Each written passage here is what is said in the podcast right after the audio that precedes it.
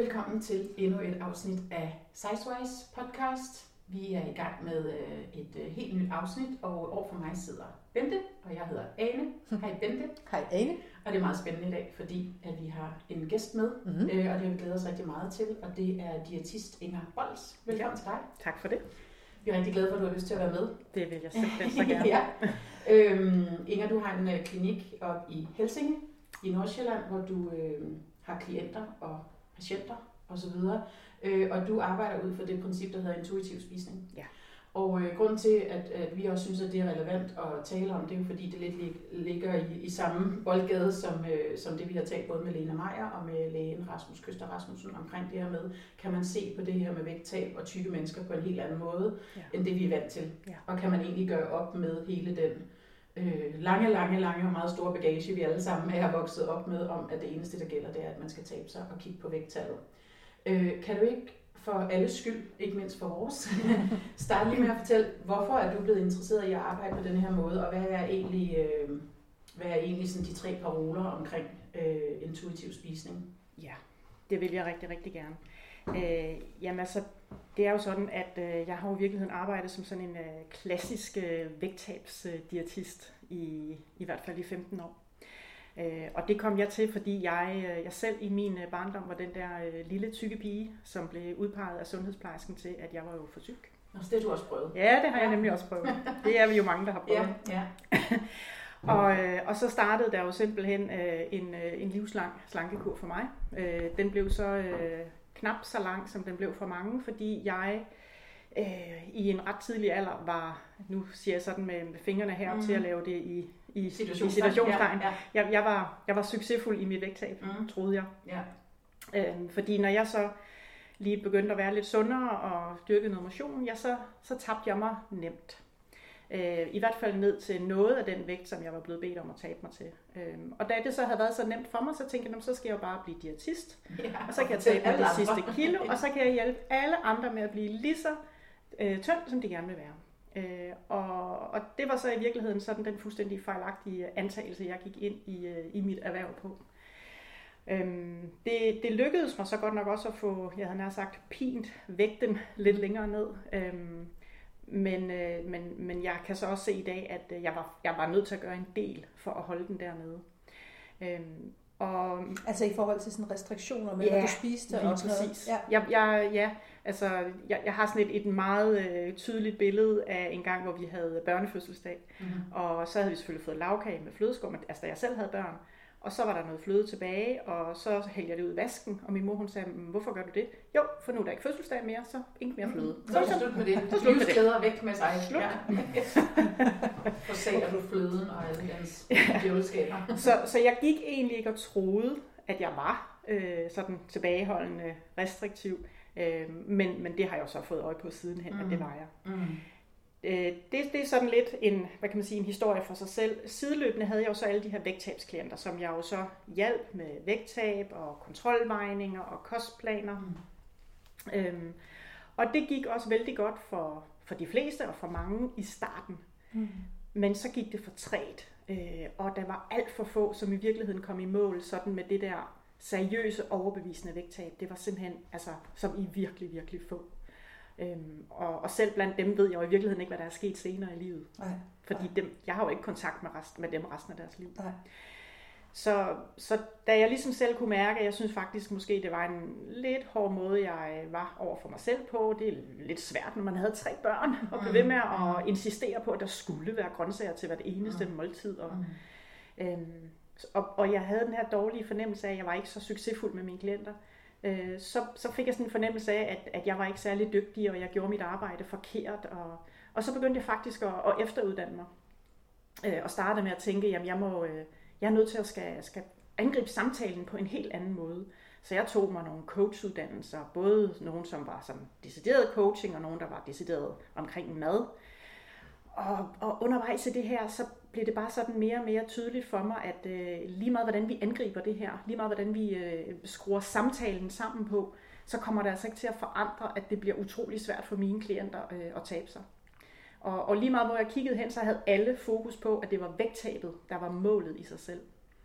Indtil jeg så øh, gudskelov fik øh, sat næsen øh, efter en, øh, en amerikansk diætist, som øh, helt tilbage i 1995 øh, har skrevet øh, grundlaget for, hvad der i dag er en evidensbaseret metode, øh, som hedder ganske enkelt intuitiv spisning. Okay.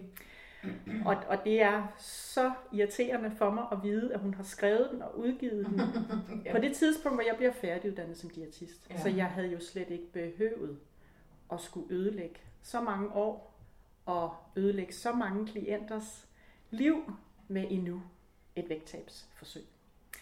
Men sådan var det. Mm. Øhm, og, og tog øh, hendes øh, uddannelse omkring øh, at blive certificeret øh, til at hjælpe folk med at arbejde med intuitiv spisning. Og, og via det har jeg fået et enormt stort internationalt netværk inden for øh, det, som ligesom er det vægtneutrale paradigme, hvor vi ser på sundhed ud fra, hvordan du lever, øh, hvordan din adfærd er, og ikke ud fra, hvad du vejer, fordi sundhed, det kommer altså i alle kropsstørrelser. Mm. Så, øhm, så det du siger, det er, at man kan godt være tyk og sund? Ja, og du kan også være tynd og usund. Ja. ja. Fantastisk. Ja. Nå, så er vi jo færdige for i dag. Så siger vi tak, fordi du vil være med.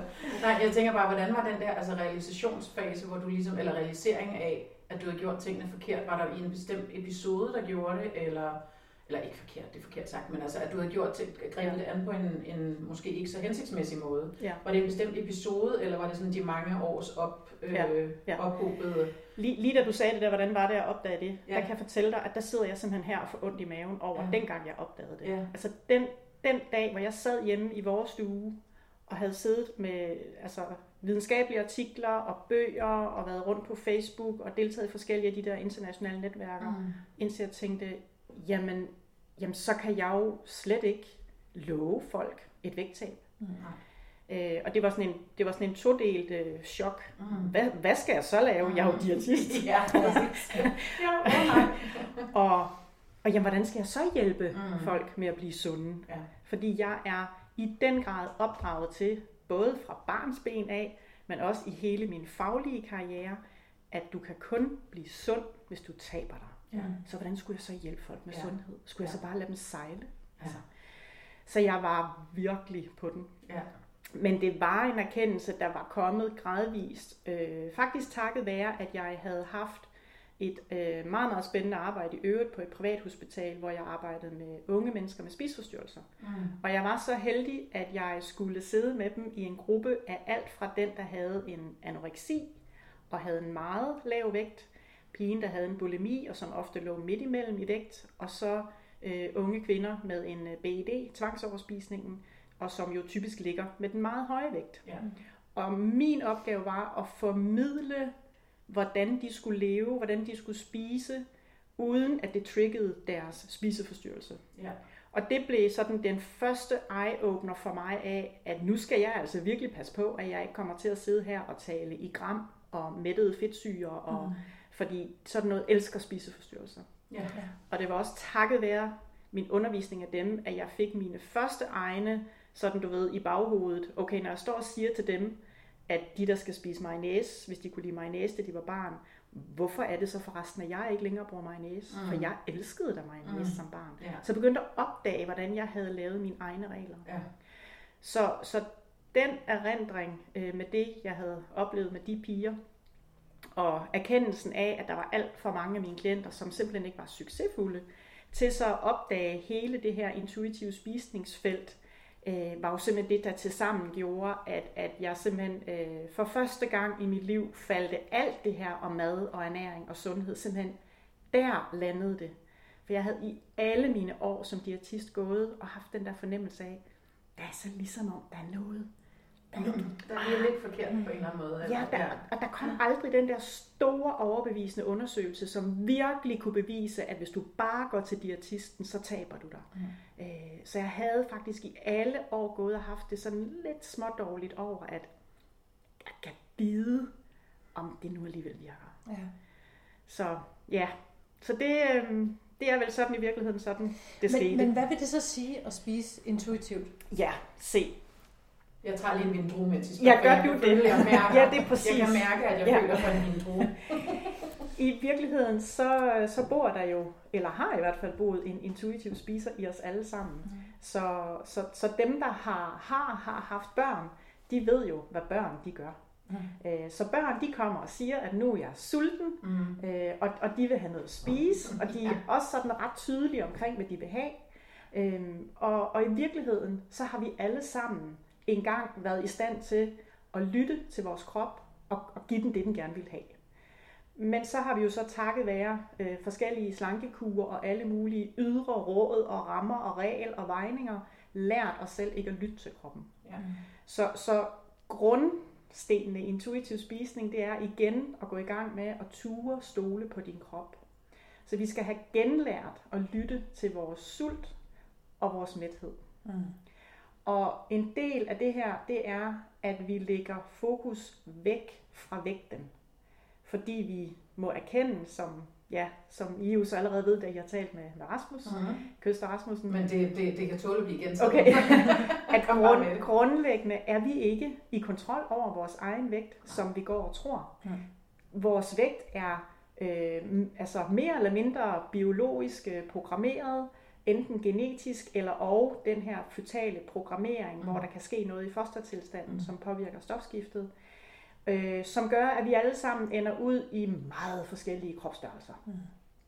Øhm, og meget vedholden vægttabsforsøg, ja, det kan for de fleste mennesker, hvis de virkelig, virkelig anstrenger sig, så kan vi sådan hjælpe dem til et vægttab på måske 3-4 kilo. Jeg vil sige, jeg har måske nogen, som har været op og tabe sig en altså 8-9 kilo, hvor det også virkelig er foregået øh, på en ordentlig måde, men, men det er så også højden af det, jeg tør love nogen som helst. Mm. Og, og det er virkelig uinteressant i forhold til intuitiv spisning, øh, fordi uanset hvad, så vil kroppen jo ende der, hvor den gerne vil. Øh, så derfor interesserer jeg mig ikke for vægten, når jeg snakker med mine klienter i dag. Men hvad, hvad interesserer øh, klienterne? Fordi jeg tænker, ja. som en, der har været tyk hele mit liv, ja. Så, øh, så det at, at ikke have fokus på vægten er faktisk en lille smule grænseoverskridende. Ja, helt vildt grænseoverskridende. Ja, og nu, øh, jeg har underholdt med i et tidligere afsnit, jeg har jo sat min badvægt i skamkronen. Det er rigtigt, ja, det hørte jeg godt og, i et afsnit. Øh, og hvad hedder det, og den står der stadigvæk og samler støv. Ja. Men en gang imellem, så er jeg sådan fristet, skal jeg lige, fordi uh, nu må det heller ikke løbe helt af sporet. Ja. Ja, ja, det der med, og så siger jeg, så kan du bare mærke på dit tøj. Nej, Nej. Nej. Altså, så, jeg, så det er fint, at du ikke har fokus på vægten, ja. men, men hvad, med de, hvad med de tykke, der kommer til dig? For jeg vil ved på, at de har fokus på vægten. Ja. Særligt når man så endelig får sig taget sammen til at gå til en diætist, ja. fordi ja. i hvert fald kan jeg kende fra mig selv, at de gange, hvor jeg har været der, der har det taget lang tid at komme frem til, ja. at man skulle gå til en mm. diætist. Sikkert lige så svært som det er at beslutte sig for at gå til psykolog, hvis man gør det. Ja. Der er en lang indløbsfase. Ja. Så den dag, hvor man endelig kommer frem til det der skrivebord der, og som ja. klient, ja. Så, øh, så, så tror jeg, at man forventer ja helt sikkert. Noget, noget andet end det, du sidder og siger. Ja. ja. Altså, jeg kan i hvert fald mærke for mig, at det, sådan, det, det er grænseoverskridende, hvis ikke vægttab er ligesom succesparametret, eller ja. hvad man skal sige. Så ja. det må du meget gerne prøve at uddybe. Hvad, ja. hvad tænker de? Jamen se, øh, se det, det er fuldstændig rigtigt, og det er også det, mine, mine klienter kommer med. Øh, og, og, og det er jeg meget, meget lydhør overfor, fordi jeg, jeg ved jo godt, hvad det er for et samfund, vi lever i. Øh, og, og der er bare en enorm fokus på det med den vægt. Mm. Øhm, men, men det jeg i virkeligheden beder mine klienter om, og det vil jeg jo så i virkeligheden også bede jer om, det er ligesom at prøve at kigge tilbage på din egen historie. Mm. Så med alt det, du har prøvet, øh, med alt det, du ved, du har gjort, hvordan er det så gået med din vægt? Altså, hvad har det givet dig i forhold til det, du håbede, at det skulle give dig? Mm. Øhm, og så prøve at begynde at sætte fokus på, så hvad er det, du vil gøre, hvis vi nu siger, at nu vejede du det, du drømmer om at veje hvad er det så, du gerne vil gøre? Mm. Hvad vil jeg så se dig gøre? Og så sæt fokus på det. Øh, for ellers så har vi jo simpelthen, altså vi, vi venter jo med at gå i gang med at leve vores yeah. liv, mm. indtil vi har tabt os. Og vi, altså jeg, jeg sidder med den ene dejlige kvinde og mand, altså jeg har også rigtig mange mænd i min konsultation, som simpelthen venter mm. med at søge et nyt job. De venter med at date. De venter med at tage til stranden og bade med deres børn eller deres børnebørn de venter. Mm. Og de kommer til at vente et helt liv. Mm. Altså. Øhm, så, så jeg har rigtig meget den her snak omkring vægtønsket med mine klienter. Men vi er nødt til at prøve at, og, hvad kan man sige, tage det fra et helt andet perspektiv. Øh, og så tage fat i, hvordan kan jeg, selvom jeg ikke er tilfreds med min vægt, mm. hvordan kan jeg så alligevel komme i gang med at leve mit liv? Mm. Og så derfra begynde at gøre de ting, jeg i virkeligheden altid har drømt om at gøre. Altså man skulle næsten tro, du havde været med til at opfinde Sizewise, fordi noget af det, som, som vi har sagt fra starten af, det hele tiden været det her, vi vil have livskvalitet. Ja. Og, og, og, og et af vores dogmer er jo det der, ja, det kan godt være, at du gerne vil tabe dig 10 kilo, by all means, det er fint, ja. det skal man have lov til. Det må du gerne. Øh, men man skal ikke ligge hjemme på sofaen og vente på, øh, at det, det gør man, og så vente på alle de ting, man gerne vil gå ud og gøre. Nej. Altså, øh, og, og det synes jeg, altså derfor jeg bliver faktisk en lille smule rørt, når du siger det, fordi at det er jo, det er jo mange menneskers liv, ja. man sidder med, når man er dig. Ikke? Der kommer alligevel kommer folk igennem butikken, ikke? Øh, og det der med, at man sidder med folk, som sidder og sætter alting på hold. Ja. Fordi man tror, at man ikke kan gå ud og, ja. og gøre det, fordi man er tyk, eller fordi man synes, man er tyk, eller hvad det nu måtte være. Ikke? Ja. Altså det er jo virkelig sådan hjerteskærende på en eller anden måde, synes ja. jeg virkelig. Ja.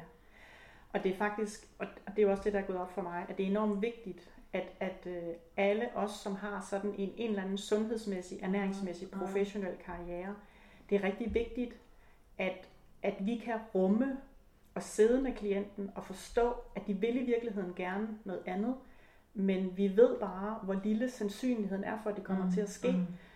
Så, så, så jeg kan ikke tillade mig at gå med på den vej, mm. fordi så støtter jeg mine klienter i noget forkert, ja. i noget fuldstændig urealistisk. Det jeg kan støtte dem i, det er at komme til at leve det liv, de i virkeligheden drømmer om, og jeg kan hjælpe dem med at leve et sundt liv, Øh, fordi det er faktisk inden for klientens egen kontrol. Ja, ja. Men vægten, i modsætning til hvad rigtig mange mennesker tror, den er ikke inden for din egen kontrol. Der er en buffer for de fleste, ja, ja. og du kan enten ligge højt i bufferen, eller du kan ligge lavt i bufferen.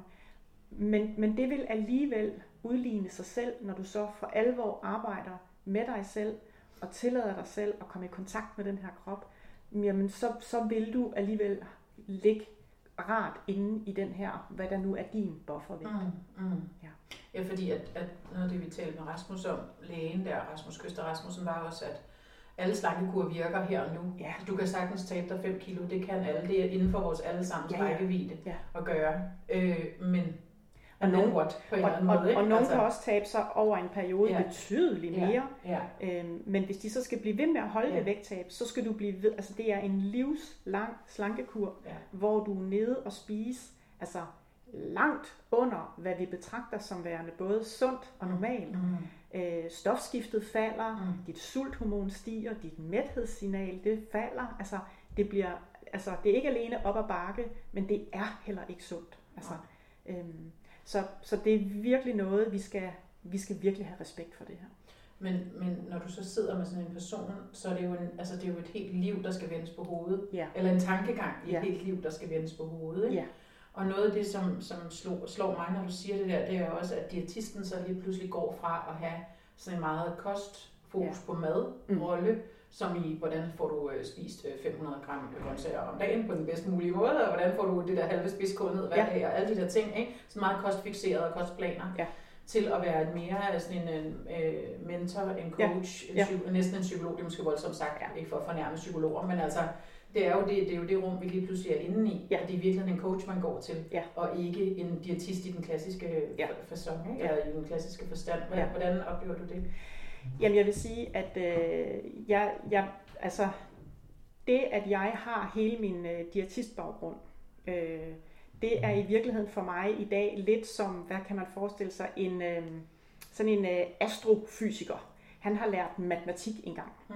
men han sidder jo ikke og er bevidst om sin matematik. Ja. Det er bare sådan noget, der er en forudsætning for, at han ligesom har kunne bevæge sig på næste niveau, om jeg så må ja, sige. Ja. Og sådan sådan bruger jeg min øh, ernæringsviden i dag. Mm. Øh, men jeg har den også i spil med mine klienter.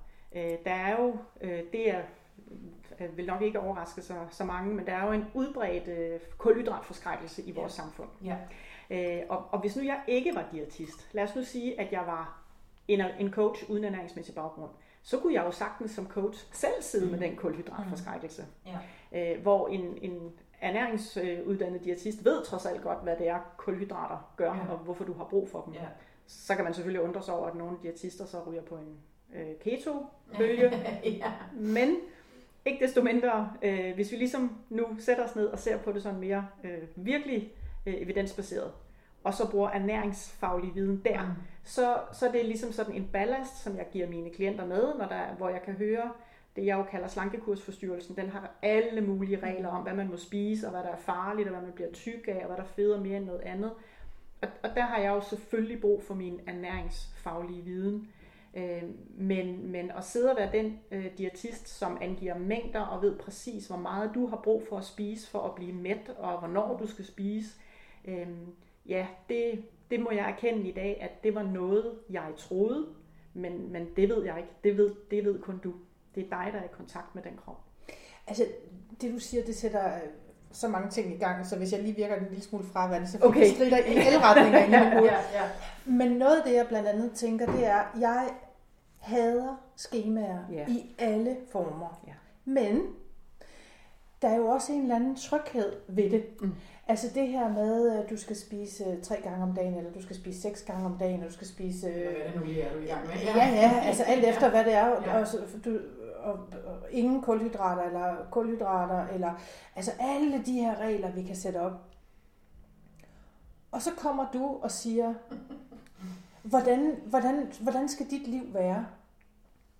Og fjerner hele det der alle reglerne væk fra mig. Alt det, alt det jeg ligesom sådan, synes, jeg kan kontrollere, og beder mig om at tage stilling til, hvordan, hvordan, hvordan det gode liv er for mig.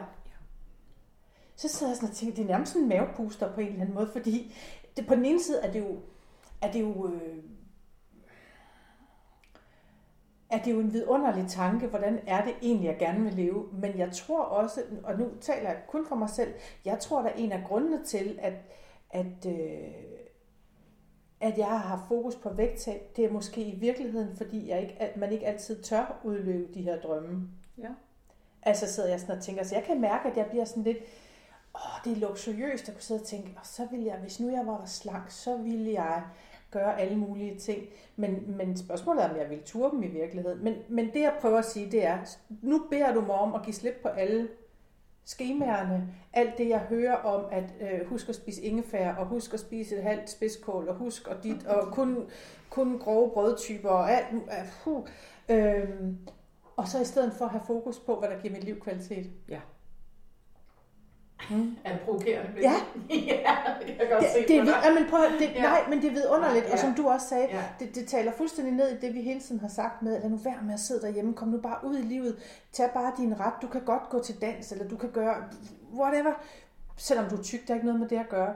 Men det der med at sætte sig, altså den der tanke med, hvis jeg var, havde min drømmevægt, hvad vil jeg så gøre? Ja. Den skal jeg lige sove på, kan jeg mærke. Ja. Det er vi altså ikke tid til her i podcasten, når du skal sidde og sove. Nej, men lurer mig om ikke, det er noget, vi kommer til at tage op igen. Et efterfølgende afsnit. Nå, men jeg kan bare mærke, at det, der, der, det er positivt. Altså, jeg, det kan godt være, det lyder negativt, når jeg siger det, det okay. men det er virkelig positivt, men, men også en lille smule skræmmende. Altså, ja. så skal jeg så, så, så skal jeg så vide, hvad jeg vil, når jeg bliver voksen, eller hvad er det, du siger ja. til mig nu? men det er også alt den der, som du også sagde på et tidspunkt, jeg kunne spænde med, hvis du tager den der vægt ud af ligningen, mm, så ikke alene øh, virker man lettere at bare det, at det bliver sagt, at det ikke er tallet på vægten, man skal fokusere på, mm. men det er også, jamen hold da op, men det er jo det, der har været mit fokus. Altså man bliver lige pludselig sådan, mm. gud, når, hvis jeg ikke skal tænke Ja, hvad skal det, jeg så bruge al min energi ja, på? Ja. Jamen altså, så er, der jo en, så er der jo ligesom en ny verden, der åbner sig på en eller anden måde, hvis det ikke er det, der er det overskyggende, og det er jo det, vi for fanden nu kommer til at bande, nu må jeg gerne, fordi min egen podcast, vores ja. egen podcast, det er jo for fanden det, de, vi har brugt de sidste 40 år af vores liv på, det er for at vide, at det er den der vægt, der var den alt overskyggende dårlige faktor i vores liv. Ja. Og det er jo også det hele diætist, øh, hvad hedder det, verden er lægeverden. Altså vi har snakket om det mange gange, men det er også fordi, det fylder meget. Ja.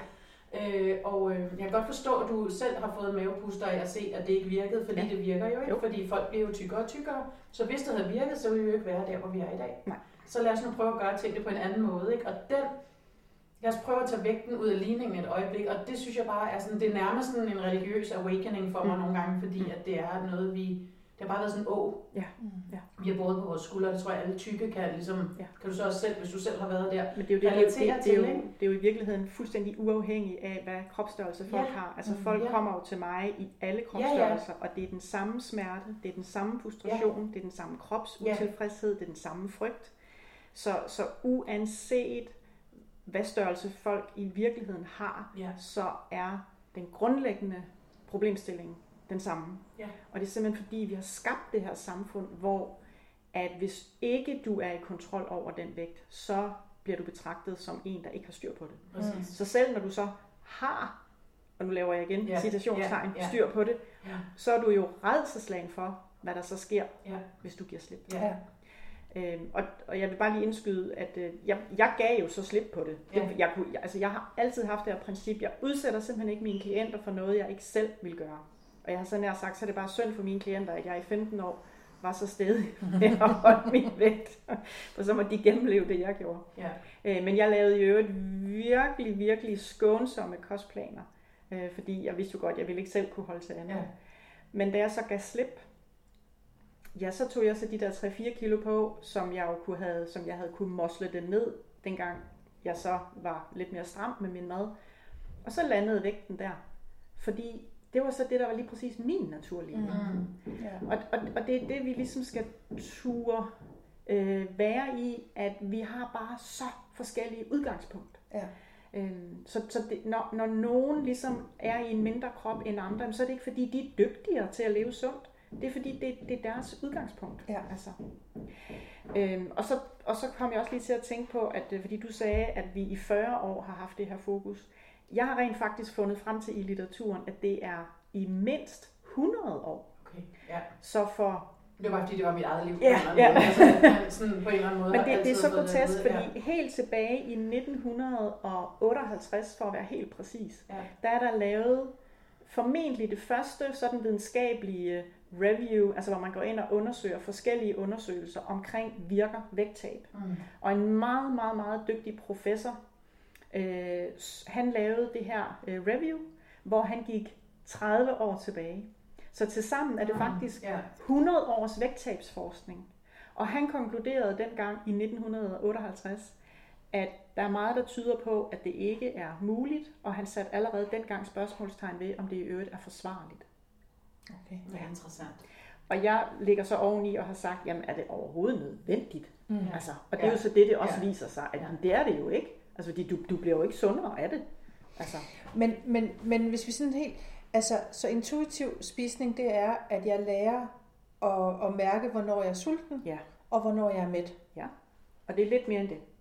Fordi du starter også med at øh, være bevidst om, at du har en masse madregler. Mm. Så, så vi, lægger, vi arbejder på at lægge madreglerne væk, og så øh, betragter vi alt mad som lige. Altså hvad er en madregel for eksempel? Det kunne være, at jeg må ikke spise efter klokken 8. Okay, sådan nogle ting. Eller ja, at øh, jeg må ikke få ja. kulhydrater ja. både til frokost og til ja. aftensmad. Yes. Mm. Det var bare lige for... Ja. Øhm, så, så vi lægger alle madregler væk øh, og, og betragter ikke noget som sundt eller usundt. Så, så det er ikke den enkelte fødevare. Det, det, det er, hvordan du ender med at spise i sidste ende. Og det viser sig, og det viser det sig også faktisk fra, fra undersøgelser, at når du så giver dig selv lov, jamen så, så er der ikke, altså der findes ikke mennesker, som får lyst til at spise øhm, øh, matadormix til morgenmad, og øh, hvad kunne det være? Øh, jordbærtærte. Jord, ja, jordbærtærte, og så øh, chokopops til aftensmad, og så var de i øvrigt glade og lykkelige, og sådan havde de lyst til at leve resten af deres liv. Mm. Det kan sagtens være, at der var nogen, der havde lyst til at leve sådan en weekend, eller en uge, eller en sommerferie, og det sker der i øvrigt ikke noget som helst ved. Altså kroppen har en rimelig stor buffer for, hvad den klarer. Okay. Øhm, men så vil der simpelthen komme et behov for at få noget ordentligt mad. Altså kender I det, hvis jeg har været på ferie, og I har ligesom ikke kunne få adgang til at stege i robrød, og, og altså, så vi får et behov for at få noget ordentligt mad. Eller efter, når man kommer hjem fra juleferie, hvor det første, man gør, det er at gå ned og købe altså, kål og ja. grøntsager, fordi ja, det har været så tungt. ja, så meget fedt. Og det har været skønt, men man kan bare ikke mere. Ja, det er præcis. Ja, ja. spise skål. Ja. ja. Ja. Så, så, så, så det er simpelthen det, der, altså man kan sige, det er ikke farligt at give sig selv fri, øh, og slippe sig selv fri, fordi kroppen har ikke en interesse i at spise uhensigtsmæssigt. Mm. Den har et behov for at få ordentlig mad. Altså, hvis jeg, mm. hvis jeg kender min krop ret, ikke? Ja ej, der vil være jordbærtærte ja. og p-tærter, ja. og jeg ved ikke hvad, i et stykke tid. Ja, lige præcis. Du sagde noget rigtig vigtigt der, i et stykke tid. For det viser sig, at når der er noget, vi ikke har tilladt os selv, mm. så er det virkelig, virkelig spændende. Ja. Når vi så får det igen, og igen, og igen, så bliver der sådan en, en tilvændingsfaktor. Fuldstændig ligesom når vi lige er blevet klippet, og, og det er virkelig vellykket, og vi kigger på os selv, og vi synes, vi ser skide godt ud. Mm. Så hvis vi får præcis den samme klipning fem gange, så ser vi ikke lige så magisk fantastisk ud. For vi ligesom vendet os til, at vi så sådan ud. Ja. Så alt, hvad der er fantastisk og magisk, men som vi kan få, eller se, eller høre, eller opleve igen og igen og igen, det vender vi os til.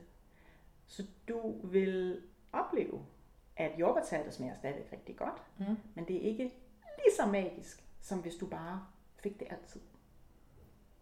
Nej. Altså, ja, du, du, har, du har sendt noget materiale til os, som vi kunne læse inden, og der hæftede jeg mig blandt andet ved, at du et eller andet sted skriver, det der paradoxale i, at vi stoler mere på en, en app på ja. telefonen, mm. end hvad vores egen krop fortæller os. Og det kan jeg, nu har jeg ikke nogen uh, app på telefonen, men, men alligevel, så kan jeg godt mærke, at der, det, der er der helt sikkert noget sandhed i. Ja. Samtidig så lyder det enormt befriende, det der med, at der ikke er mad, der er forbudt. Ja. Altså, øhm, jeg prøvede for mange år siden, og vi, vi, er, altså, vi er tilbage i tilbage i 89 eller sådan noget, tror jeg. Der var jeg øh, au pair i USA. Ja. Og jeg tog, ligesom alle andre, når man kommer derover øh, til det land, hvor alt er for tyrstik, så, øh, så tog jeg på, og, og så tænkte jeg på et tidspunkt, det, det, det går ikke. Og så lavede jeg faktisk, og nu sidder jeg bare sådan lidt stolt af mig selv og tænker videre, om jeg har opfundet intuitiv spisning ja, uden at vide andre. Ja. For der lavede jeg en regel for mig selv om, at jeg måtte spise præcis, hvad jeg ville. Ja men kun når jeg var sulten. Ja. Og jeg kan faktisk huske, at det lykkedes mig at tabe mig. Men på en eller anden måde, så, så, så tror jeg, der har været noget inde i mig, der har fortalt mig, at det også var lidt forkert. Fordi mm. vi har jo lært, at vi skal tælle kalorier, vi skal tælle alt muligt, og man skal huske at spise tre måltider om dagen. Og mm. nogle gange spiste jeg kun et måltid, fordi mm. jeg var ikke øh, mere sulten end det. Og nogle gange så spiste jeg syv gange om dagen. Og, øh, så det holdt ikke så lang tid, men det holdt dog til, at jeg fik, øh, fik tabt mig lidt. Er det, en, er det en form for intuitiv spisning, jeg har lavet der, uden at vide det? Jamen, ja, det er det. Ja. Altså, fordi hvis du ligesom har tænkt, at jeg vil have lov til at spise det, jeg har lyst til, øh, og jeg vil spise, når jeg er sulten, mm. så, så er du fat i noget af det allermest grundlæggende omkring intuitiv spisning. Øh, hvis du har gjort det med formål at tabe dig, Ja, det var det helt klart. Så har du mere haft fat i den der mere moderne udgave af intuitiv spisning, som rigtig mange bruger, og de bruger dem også herhjemme, hvor mange coaches mener, at de bruger intuitiv spisning.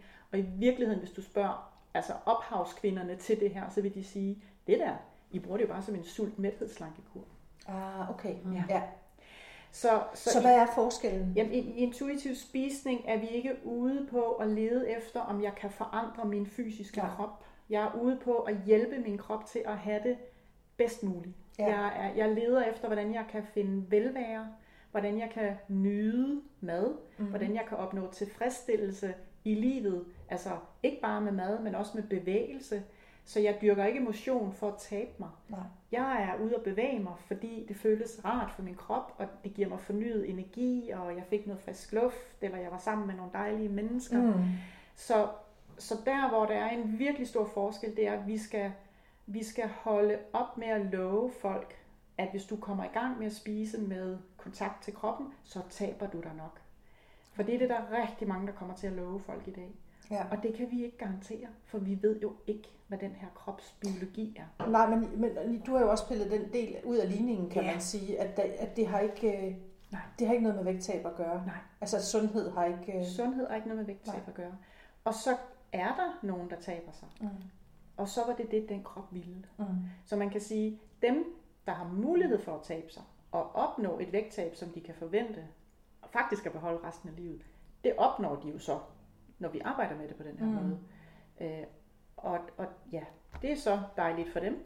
Men de andre oplever også virkelig, at det at samarbejde med sin krop, mm. giver dem en helt anden frihed. Ja.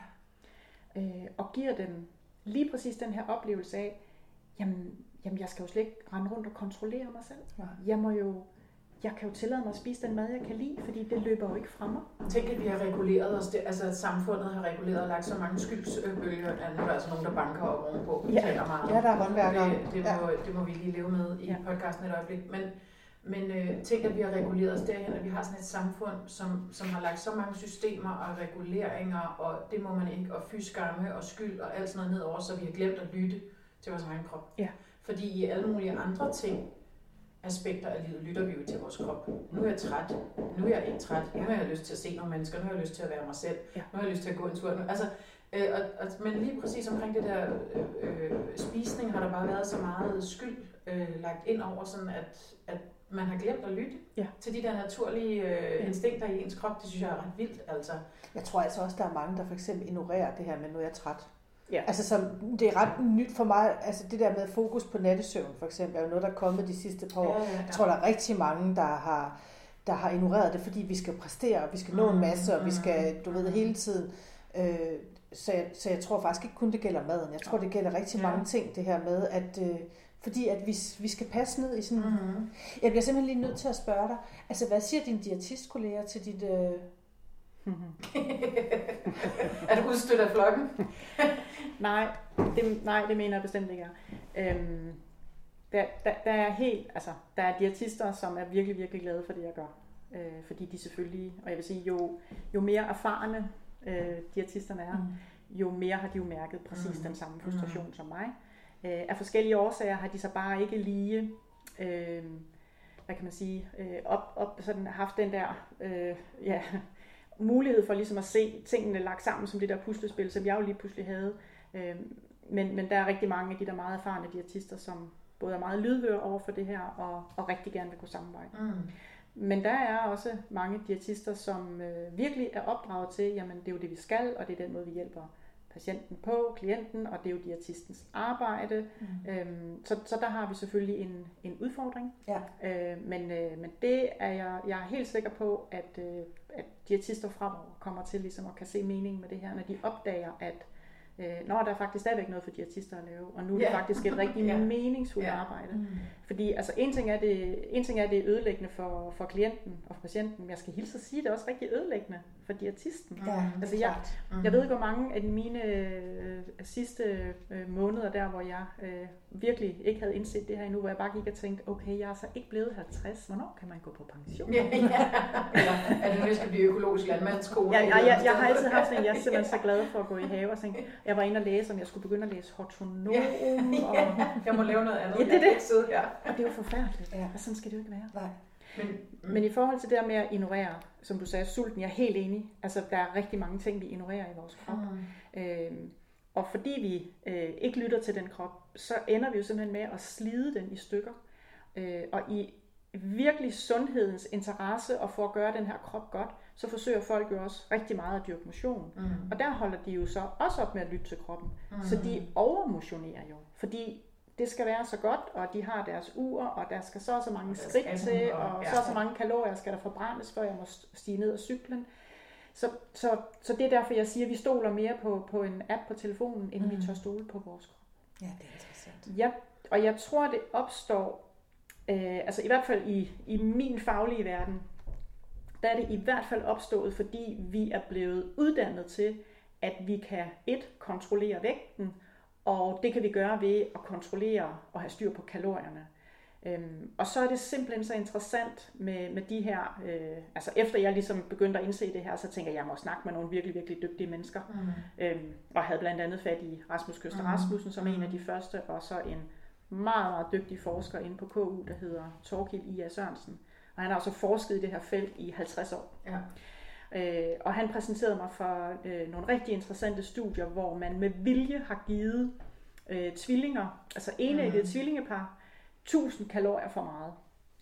Og det har man gjort i 84 dage, så de har fået 84.000 kalorier for meget. Øh, det skal man altså tage på af. Ja. Hvis, hvis, nej, altså, noget, ja. ja, fuldstændig, ja. ja. De tog også på, ja. men de tog ikke nær så meget på, som den beregning, jeg ligesom har lært i skolen, ja. altså på diætiststudiet det, det, det virkede slet ikke. De tog slet ikke så meget på, som de burde. Okay. Øhm, og det er jo fordi kroppen den har jo sådan en øh, overhedrings, øh, du ved, der kom for meget, så sætter den virkelig gang ja. i forbrændingen. Ja. Og nogen mere end andre. Mm. Og blandt de her øh, forskellige tvillingepar, altså de enæggede tvillingepar inden for de to, de to cirka det samme på, men blandt de forskellige par, der var der enormt stor forskel. Så et tvillingepar tog måske omkring 4 kilo på, mm. hvor et andet tvillingepar tog omkring 13 kilo på. Så det er vidt forskelligt, hvad den krop den kan. Ja.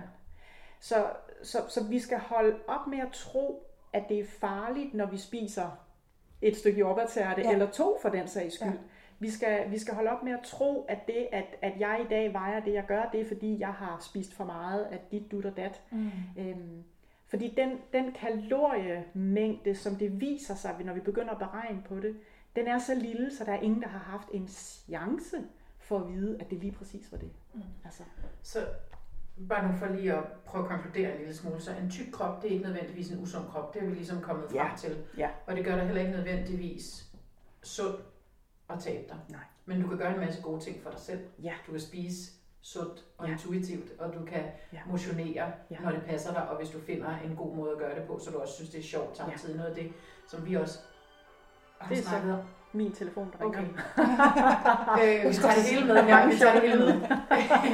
øhm, det er jo også det der med, at hver gang man er gået ned i et fitnesscenter, jeg tror det var Bente, der oprindeligt har sagt det, så var det for at tabe sig. Ja. Men vores fokus er også, nu taler som om vi er et, en person dernede, men altså vi har oplevet den samme transformation, tror jeg, at man mere motionerer nu og træner, fordi man gerne vil være stærk, ja. man, vil, man vil gerne være glad for sin ja. krop, og den fornemmelse, det nu er, når man har brugt sin krop, den ja. tror jeg, vi alle sammen kender, at det er en god fornemmelse, og man vil gerne kunne ting. Ja. Man vil ikke være begrænset af, at man vejer måske mere end et gennemsnit i befolkningen, eller hvad det nu måtte være. Ikke? Ja.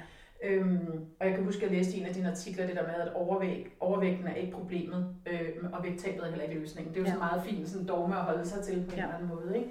Men, men, øh, men jeg kunne godt tænke mig at tale lidt mere om den der den glade, stærke og funktionelle krop på en eller anden måde. Ja. Øh, fordi man kan jo godt, hvis man vejer for meget, eller fylder, ikke for meget, det er forkert sagt, det må vi ikke sige. Hvis man vejer meget, mm-hmm. øh, har en høj kropsvægt, øh, så fylder man som regel også mere ja. i landskabet på en eller anden måde, og det kan jo give nogle begrænsninger. Ja. Øh, det kan være, hvis du skal passe ind i et flysæde, eller ja. det kan være, hvis du skal sidde på en, øh, en smal teaterstol, eller det kan være, altså, så du hele tiden bliver øh, mindet om, at du fylder mere end, øh, end, end, end gennemsnit af befolkningen, eller de andre, der sidder. Du synes jo altid nødvendigvis, at man er den største, der kommer ind i rummet, og det er man meget bevidst om, ikke? Øh, eller en af de største i hvert fald. Ikke?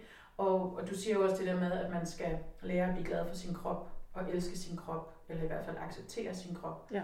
Og jeg tænker, der er et eller andet oppe i mit hoved, som skuer en lille smule, fordi jeg synes, det er meget besnærende, de der spisemetoder, at sige, at man skal lytte til sin krop og alt det der, og at man ikke nødvendigvis skal have fokus på at tabe sig. Men hvis man lige skal spille Jones advokat et øjeblik, ja. og sige, at man også gerne vil opnå en eller anden form for øh, body positivity, eller i hvert fald kropsaccept, ja øh, men så kræver det også, at man ikke altid føler, at man er den, der ikke kan være der, eller den, der øh, øh, hvad hedder sådan noget, er den største øh, i et rum, eller ja. den der fornemmelse, man godt kan have, ja. som ikke nødvendigvis er rigtig eller korrekt sådan i objektivt, men den fornemmelse, man har.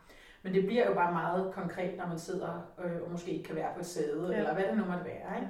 Og hvordan, hvordan får du det til at passe ind i det her paradigme, som, som du arbejder ud fra? Fordi der må også være noget kropshad er et, et hårdt ord at bruge, men det lyder også som om nogle af de klienter, du har, kommer og har en eller anden form for had, som ja. man så også skal arbejde med. Ikke? Og hvordan, hvordan får du inkluderet den del ja. af det? Ja. Øh, altså kropshad er desværre slet ikke et, et nej, stærkt ord. Nej. Det er, det er præcis... Øh, det var et voldsomt ord at bruge. Ja, men, men det, er, sådan, det er ja. præcis den følelse, rigtig, ja. rigtig mange ja. sidder med. Øhm, men man kan sige, øh, ligesom jeg også øh, nævnte tidligere, så også her, der, der, der tager jeg faktisk øh, mine klienter med tilbage i historien. Ja øh, og prøver at hjælpe den til at se, øh, hvordan så du på dig selv øh, tidligere i livet. Øh, fordi stort set alle har jo en historie med sig fra tidligere i livet, hvor de vejede mindre. Altså de fleste af os tager jo på op igennem livet. Mm. Vi kan ikke huske, om Rasmus han var inde på sammen med jer, men vi har også en naturlig vægtudvikling livet igennem, så vi, vi tager alle sammen på livet igennem. Det tror jeg ikke, vi taler specifikt om. Men, men, men det gør vi altså, ja. og, og så er det klart, at nogen tager mere på end andre. Øh, så og, og når så øh, vi begynder øh, at kigge tilbage på, hvordan havde jeg det så med mig selv, dengang jeg var øh, 5 eller 10 eller 15, eller for den sags skyld øh, 20 eller 30 kilo mindre, jamen øh, så opdager folk jo, at øh, kropshadet var det samme. Mm. Øh, så, så der har aldrig været øh, et tidspunkt, hvor jeg var mindre, hvor jeg i virkeligheden havde det bedre med mig selv. Så er der selvfølgelig nogle øh, fys, der kan opstå, hvis, hvis du er i en meget stor krop, så kan der være i dag nogle, øh, nogle fysiske problemstillinger, nogle fysiske begrænsninger. Øh, og der er vi jo grundlæggende op imod, at samfundet er indrettet mm. øh, til en meget stereotyp mm. kropsstørrelse. Ja, det må man sige. Øh, og, og, og det er jo simpelthen øh, i sig selv, øh, ja, på et eller andet plan, at det er jo racistisk. Altså, ja. Øhm, så det er et kæmpe, kæmpe problem. Det er, altså, jeg havde nær sagt, en ting er flysædet, noget andet er, når du skal på hospitalet, og du skal opereres. Jeg har haft en kvindelig, vidunderlig klient, øh, som havde problemer med sin øh, urin, øh, øh, ja, blære, whatever. Ja, jeg er jo ikke læge. Øh, men hun havde nogle problemer, som gjorde, at hun havde nogle vandladningsproblemer. Og hun blev undersøgt, og hun fik at vide, at øh, jamen, altså, den problemstilling, du har, den øh, er helt klart noget, vi ville kunne operere, men vores udstyr er ikke stort nok til, at vi kan hjælpe dig. Og bare tænkte, det kan simpelthen ikke være rigtigt. Nej, jeg troede, at du ville sige, at hendes BMI var for højt til, at de ville operere hende. Nej, de sådan er det jo også nogle ja, det, man ja, kan få ja, øh, men, men det om, udstyr, de ja, havde, okay. det apparatur, det var simpelthen okay. ikke langt nok. Altså stort nok. Hvor jeg bare ja. tænkte, det kan jo ikke være rigtigt. Altså, så, så, så jeg håber ikke, så noget sker ret tit. Men det andet sker selvfølgelig. Det gør. Ja, hvor de får at vide, at du er nødt til at skal tabe dig. Øh, jeg har øh, forholdsvis mange henvendelser, og det smerter mig mere end noget andet, af, af store kvinder, som skal i fertilitetsbehandling. Mm. Og de kan ikke få fertilitetsbehandling, før deres BMI det er mm. under 35. Mm. Øhm, og, og hvis din krop ikke er gearet til at ligge på et BMI på 35, øhm, ja, så kan du være tvunget til at, at sulte dig selv på en eller anden måde. Og, og selvom det så bliver mig, der laver en kostplan, så bliver det stadigvæk at sulte dig. Øh, vi kan kun få dig ned i vægt, sådan målrettet ved at sætte dig i kalorieunderskud. Mm. Jeg skal så lige sige, at jeg, jeg gør det ikke. Nej, altså, men, det, det, det er jeg færdig med. Men det vil være mit eneste redskab. Mm. Ja. Det, der sker, fortæller de mig jo så, de her unge kvinder, det er, så går de jo i gang med sådan en eller anden crash diet. Øh, så jo kortere tid de skal gøre det, jo bedre, inden mm. de så skal op til den her fertilitetsbehandling. Men det risikerer jo i virkeligheden at forringe deres, deres ja. fertilitet. Ja. Altså, Øhm, og, og så er det jo, vi ikke engang ved, hvad risikerer der så at ske i den her tidlige programmering mm. for det foster, de så har. Præcis. Det, det er så forfærdeligt. Ja. Og, det er sådan en ond cirkel. Ja, fuldstændig. Og, ja. og der er så mange årsager til, hvorfor kvinder i forskellige kropsstørrelser ikke kan få børn. Så vi kan slet ikke sætte lighedstegn mellem, at det er din vægt, der er årsagen. Ja. Øh, så det, det er bare, ja, han har sagt, det er næsten det værste sted, ja, hvor ja. man går ind og manipulerer med den vægt. Og når vi alligevel så sætter lighedstegn, så er det vel fordi, at det gør vi også ved alt andet. Ja. ja altså, ja. så det er ligesom... Det har vi bare altid gjort. Ja. Øh, og det er jo, altså, det er jo super, interessant, super interessant, øh, men, men også skræmmende. Altså lige meget hvor mange år vi går tilbage, mm. så har der været et fokus på det her med, at hvis du har en større krop, så er du forkert. Mm. Øh, jeg faldt over ved et tilfælde helt tilbage til Sokrates. Altså nu taler vi før Kristi ja. fødsel.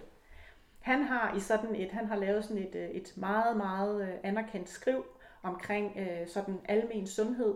Og der har han simpelthen skrevet fint, hvordan den, øh, jeg kan desværre ikke huske indholdet længere, men det er sådan noget med, at øh, den tykke skal, skal du ved, gå uden tøj, og skal skynde sig at være aktiv, efter han har spist. Og, altså, det, det, det, det, det uden tøj. Ja, det er så, så langt ud i skoven. Ja. Øh, men det er bare for at sige, at, at vi går jo og bilder os selv ind, at det er et nyt fænomen. Mm-hmm. Men, men det er det ikke. Mm-hmm. Altså, der har, altså, tykke mennesker har været jagtet i al den tid, der har været mennesker på jorden.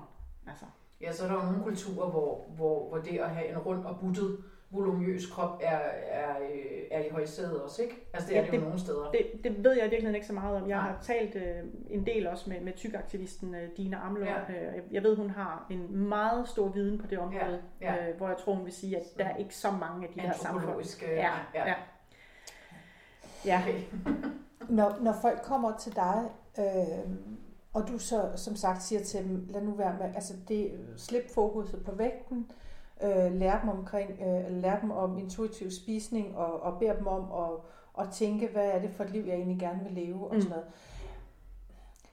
Hvor, hvor, det er jo en omprogrammering på en eller anden måde af hjernen, ja, øh, der skal sættes i gang i en eller anden forstand. Ja. Øh, A, kan alle det? Mm-hmm. Og B, hvor lang tid tager det? Mm. Ja. Hvor meget skal man øve sig? Ja. Fordi jeg tænker, der, de må møde, altså der må være nogle barriere, som du oplever ligesom øh, øh, ja. kommer, eller hvad ved jeg? Kan, kan, kan alle det? Øh, ja, det kan alle, som er tilpas fed up med at leve det der slankekursliv. Ja. Så, så det jeg faktisk, øh, øh, da, da det her gik op for mig, så vil jeg nærmest sige, at øh, altså inden for fem dage, der kiggede jeg min mand dybt i øjnene, og så sagde jeg, så nu tager jeg en dyb vejrtrækning, og så i morgen, så siger jeg til mine klienter, at nu skal vi arbejde på en anden måde. Så fra den ene dag til den anden, så stoppede jeg med at veje mine klienter. Øh, og der var, hvis jeg siger fem, så er jeg sikker på, at jeg ikke har, har glemt nogen. Der var, så lad os sige fem, måske var det i virkeligheden kun tre klienter, som valgte at sige, det der, det tror jeg ikke er mig. Ja. Alle de andre, jeg, jeg glemmer det simpelthen, jeg kunne sådan se, hvordan de sådan, ja. ej, ej, det lyder dejligt. Ja. Det vil jeg rigtig gerne. Mm. Så ja, øh, så ja, alle kan, men du skal være et vist sted i livet, ja. før at du tør. Ja. Så det er sværest for de øh, unge kvinder. Mm. Øh, jeg har ingen unge mænd haft, der har henvendt sig. Og det er ellers ikke, fordi de ikke slås, fordi de er jo i den grad lige så kropsfixeret uh, ja. i dag. Mm. De skal ja. jo være store, de skal have sixpack. Mm. Og, ja. øhm, men bestemt har jeg også unge kvinder, som allerede er der, hvor de bare kan mærke, det her det går simpelthen mm. ikke. Men øh, kvinder i vores dejlige alder, de er i den grad øh, færdige med de der slankekurer. Og fordi de har jo set det på deres egen krop. De har mærket det på mm. deres egen krop. Og mærke frustrationer over det, der ikke virkede. Og, ja. og det der med, nu er vi alligevel så langt i livet, så vi begynder også at opdage, at der er en udløbsdato mm. på os. Ikke? Ja. Er det så i virkeligheden det? Altså når jeg så bliver 80 år, mm. skal jeg, jeg kigger, skal jeg så, ja, min ældste klient, øh, det er jo, øh, det er faktisk, jeg skrev en blog om det, fordi det var simpelthen øh, fuldstændig mindblowing for mig. En 89-årig kvinde, som kom til mig, fuldstændig rask og rørig, og hun var i øvrigt overhovedet ikke i en stor krop, mm. men hun havde taget nogle kilo på. Og det viser sig, hvordan hendes vægt havde drevet hende rundt i manesien i hele hendes liv. Mm. Ja. Øh, og, og så kom hun egentlig til mig, fordi hun mente, at jeg nu skulle hjælpe hende med at være ekstra sund. Rigtig sund. Ja. Man bare tænkte på ting. 89. I alder 89. Ja. ja. Og hvor hun var, altså hun boede i sit eget hus, mm. hun gik med sin hund to gange om mm. dagen, og hun gik til gymnastik, og bare tænkte, det er ligesom ikke noget. Gad jeg godt, når jeg er 89, det der. Ja. og så var hun, havde hun alligevel dårlig samvittighed over sin sundhed. Men jeg tror, der er rigtig mange kvinder, hvis man spørger dem, så har de været, så synes de, de har været på slankekur hele deres liv i hvert fald en eller anden form for fix, altså ja. fixering eller fokus på. Ja. Det kan godt være, at de ikke har været på sådan 8 uger, så ja, ja. et eller andet, men hele tiden fokus ja. på. Ja. Og, og dermed også under det ligger der jo en utilfredshed med ens krop. Ja. Fordi ellers går man jo ikke på slankekur. Nej, nej. Øh, sådan rent historisk, vil jeg tro, at det er det, der har ligget det, det. Øh, forud for, ikke? Altså. Og de har også en oplevelse af, at fordi de har været på den der slankekur, så de kvinder, som så ikke er endt i en noget højere vægt, de har en oplevelse af, at det har været nødvendigt, og at det har haft effekt. Mm-hmm. Men sandheden er, at de har allerhøjst reguleret den en 3-4 kilo ned. Ja. Altså, så ja. hvis de nu gav slip og gav sig selv fri, ja, så hvis de har været lidt stramme med sig selv, som jeg var, så tager de en 3-4 kilo på, og hvad så? Mm. Altså, jeg kan sgu ikke engang se forskel. Hvad er det allerførste, du siger til dine klienter, når de kommer og siger, jeg vil gerne tabe mig 25 kilo, kan du hjælpe mig? Jamen, det er meget, det, der, der er faktisk ikke noget af det samme, jeg Nej, siger, for det afhænger okay. simpelthen af klienten. Ja. Øh, så, så hvis jeg kan fornemme, at de slet ikke er i den her verden, og slet ikke har valgt mig ud fra den måde, jeg arbejder på, men egentlig bare ligesom af sundhedsforsikring har mm, fået en diætist, mm. og nu skal jeg tabe mig, så starter jeg et helt andet sted. Mm. Øh, hvor hvis jeg er med en, som jeg jo er mere og mere, hvor de ligesom har brug for mig til at hjælpe dem med at ture give slip, ja. Så starter vi selvfølgelig. Hvor de ligesom allerede interesserer ja. sig for den måde at tænke ja, på. Og, lige præcis. Ja. ja. Jamen, det kan jeg godt se. Det, men, men jeg synes bare, altså på din, i en af dine artikler, der har du sådan en, øh, en, øh, en, en grafisk oversigt, hvor du stiller sådan en trekant op mellem intuitiv spisning, kropsrespekt og øh, nydelsesfuld bevægelse, tror ja, jeg, du kalder det. Jeg det har så i mine noter skrevet det sjov bevægelse. det er jo det samme. Ja. øhm, og inde i midten af de tre står så selvomsorg eller egenomsorg. Ja. Øhm, kan du ikke uddybe den lidt? Fordi det virker som om, at der er man inde ved der er man inde ved kernen af ja. noget af det, hvor man kan sørge for at passe lidt bedre på sig selv, end man måske har gjort. Ikke? Ja.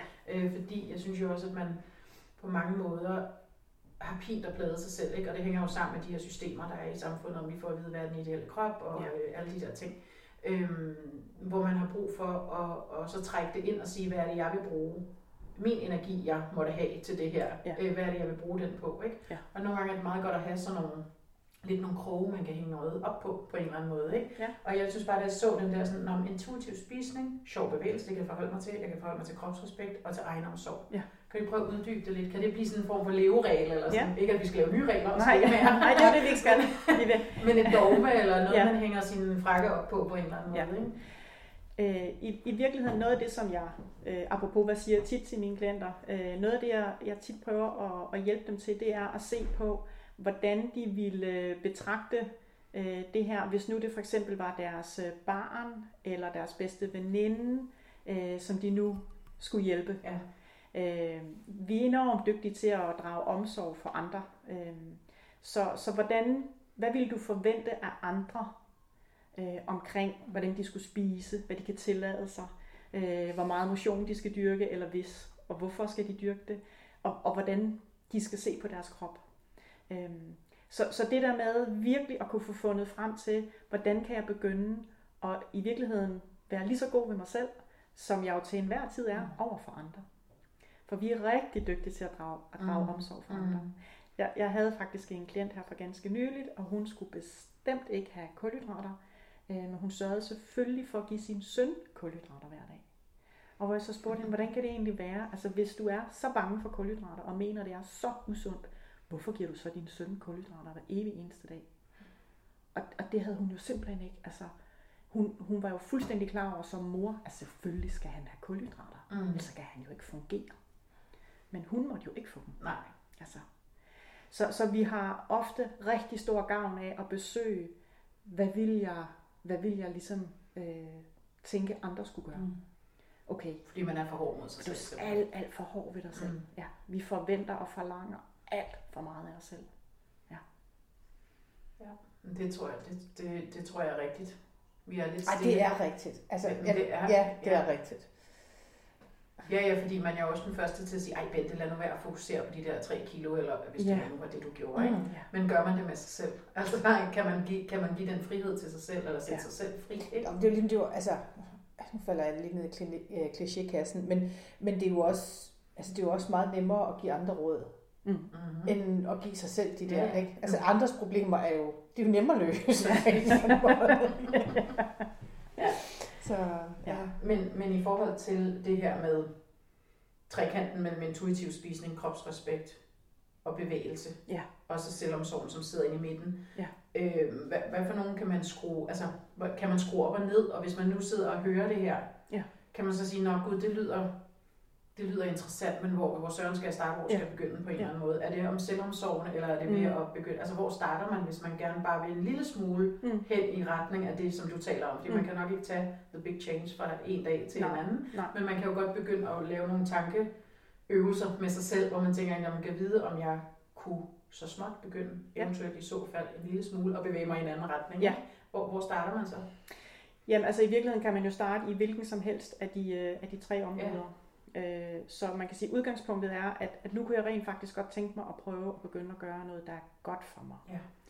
Og når jeg nu så har fået den her indsigt omkring, at det betyder ikke, at jeg er nødt til at tabe mig. Fordi det er jo ligesom ja. den forudsætning, jeg er nødt til at have med, for ellers ja. er det jo ligesom grundstenen først. Ja, præcis. Så når nu den jeg, løfter vi ud. Vi løfter ja. den ud, ja. fordi det ved vi faktisk videnskabeligt, at det er ikke nødvendigt. Så hvad kunne jeg så tænke mig at gøre, som er godt for mig? Og for nogen der savner de simpelthen øh, at, at komme i gang med at bruge deres krop noget mere. Mm. Øh, og for nogen, der har de virkelig brug for at begynde at se på sig selv med, øh, det, det er et langt skridt at sige, og ligesom skal sige, stå og sige, at man er pæn eller sådan noget, men bare ligesom begynde at stoppe øh, dialogen om, at man er utilfreds med den. Ja. Øh, men, men jeg, det er jo selvfølgelig også fordi jeg er diætist, jeg har svært ved at se, at jeg kan få folk videre, hvis ikke jeg grundlæggende er sikker på, at de giver kroppen den mængde mad, den har brug for. Mm. Så, så det er noget af det, jeg altid arbejder med mine klienter med, det er at være sikker på, at når de går frem, at så er de i gang, så er de på vej imod at spise en, hvad kan man sige, give kroppen den mad, som den har brug for. Øh, og, og det er så øh, meget forskelligt, hvor meget den enkelte har ligesom brug for noget støtte til det. Øh, men, men i stedet for at have en masse regler, som støtter op om, at jeg forsøger at planlægge ikke at spise, mm. så forsøger jeg at hjælpe mine klienter til at, at støtte sig selv i, hvordan kan jeg nu sørge for at få planlagt, at jeg faktisk spiser i dag. Ja. Mm. Øh, nogen er jo slet ikke i kontakt til den der sult, så de aner jo ikke, hvornår de skal spise. Hvis jeg siger, du skal spise, når du er sulten, Nå, det er jeg ikke. Skal jeg så ikke spise? Mm. jo, det, ja. det skal du så. Ja. Og der kan vi så opstille nogle midlertidige rammer, øh, som, som man er nødt til ligesom at arbejde med. Og for andre, de er i virkeligheden godt klar over, at de er sultne, de har bare ikke reageret på dem. Så de skal jo ikke have de der rammer, de skal hjem og ture arbejde ud fra sulten. Mm.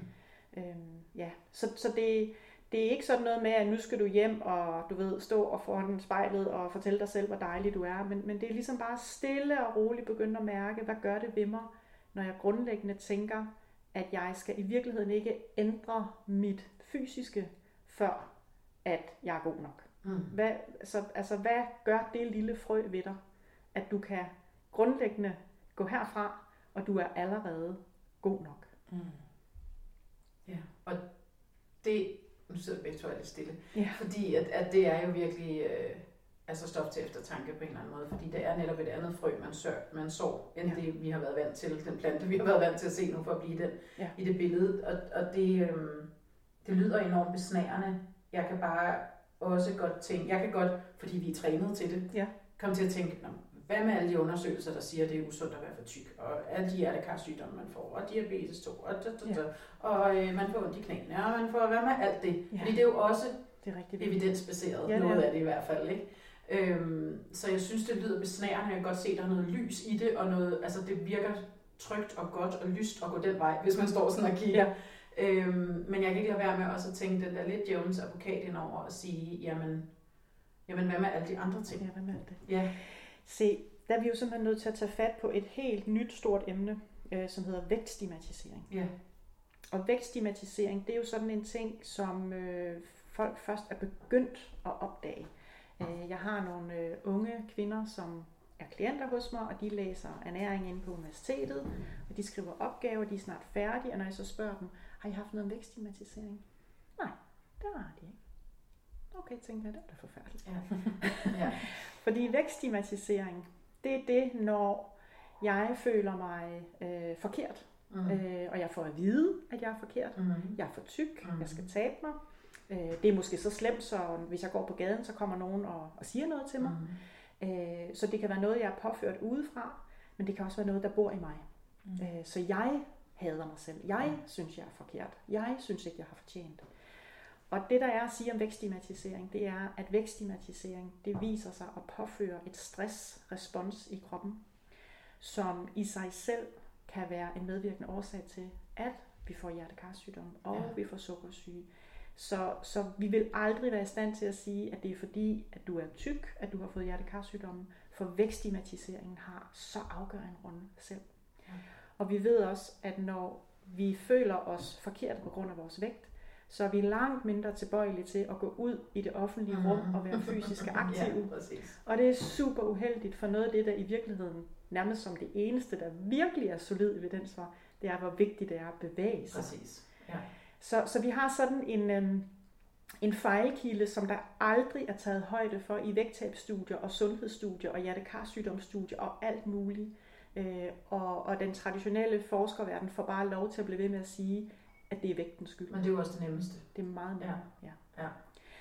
Så, det er altså interessant, synes ja. jeg, fordi det hænger jo sammen, du, du kalder det vækststigmatisering, og vi kalder det, hvad hedder det, øh, det her med et samfund, der er bygget op, hvor det hele er fokuseret ja. på, øh, at, ja. at det er forbudt, eller det er forkert at veje, ja. at veje meget ja. og være en stor krop. Ikke? Men det er et kæmpe, kæmpe ja. forskningsfelt, ja. Øh, og WHO har faktisk lavet en rigtig stor rapport, Øh, så der ligger, som mm. alle kan downloade, mm. og den er kun fra 2017. Mm. Det siger bare noget om, hvor ja. nyt det her ja, er. Præcis. Og jeg personligt anede intet om vækststigmatisering for Nej. bare tre år siden. Nej.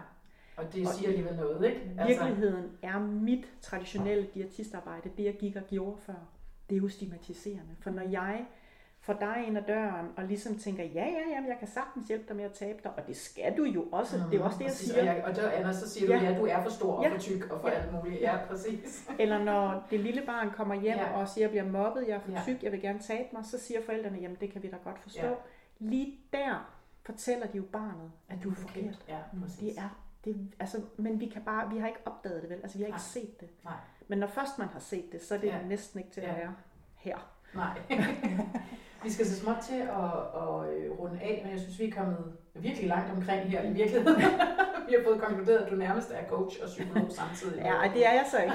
Nej, det ved jeg godt. Er der noget, du øh, gerne vil have med her til sidst, inden vi øh, runder af? Er noget, du ikke har fået sagt, som du virkelig gerne vil af med? Nej, altså vi har jo været rundt om meget, ja. og, der, ja, og hvis vi fortsætter, så vil der komme mange flere ting op. Det vil helt sikkert, ja. Men, øh. men noget af det, som det her er med til, i hvert fald sådan, rent sådan konklusionsagtigt, er jo også det, som er vores virkelig sådan hovedfokus i, i hos Sizewise, det er jo noget af det der med at få en nuanceret debat omkring ja. det her. Der er ikke noget, der er sort-hvidt. Der er ikke noget, der er så enkelt, Nej. som alle folk går rundt og Nej. tror. Der ligger meget mere nedenunder, og det er ikke nødvendigvis de tykke skyld, at Nej. de er blevet tykke. Nej.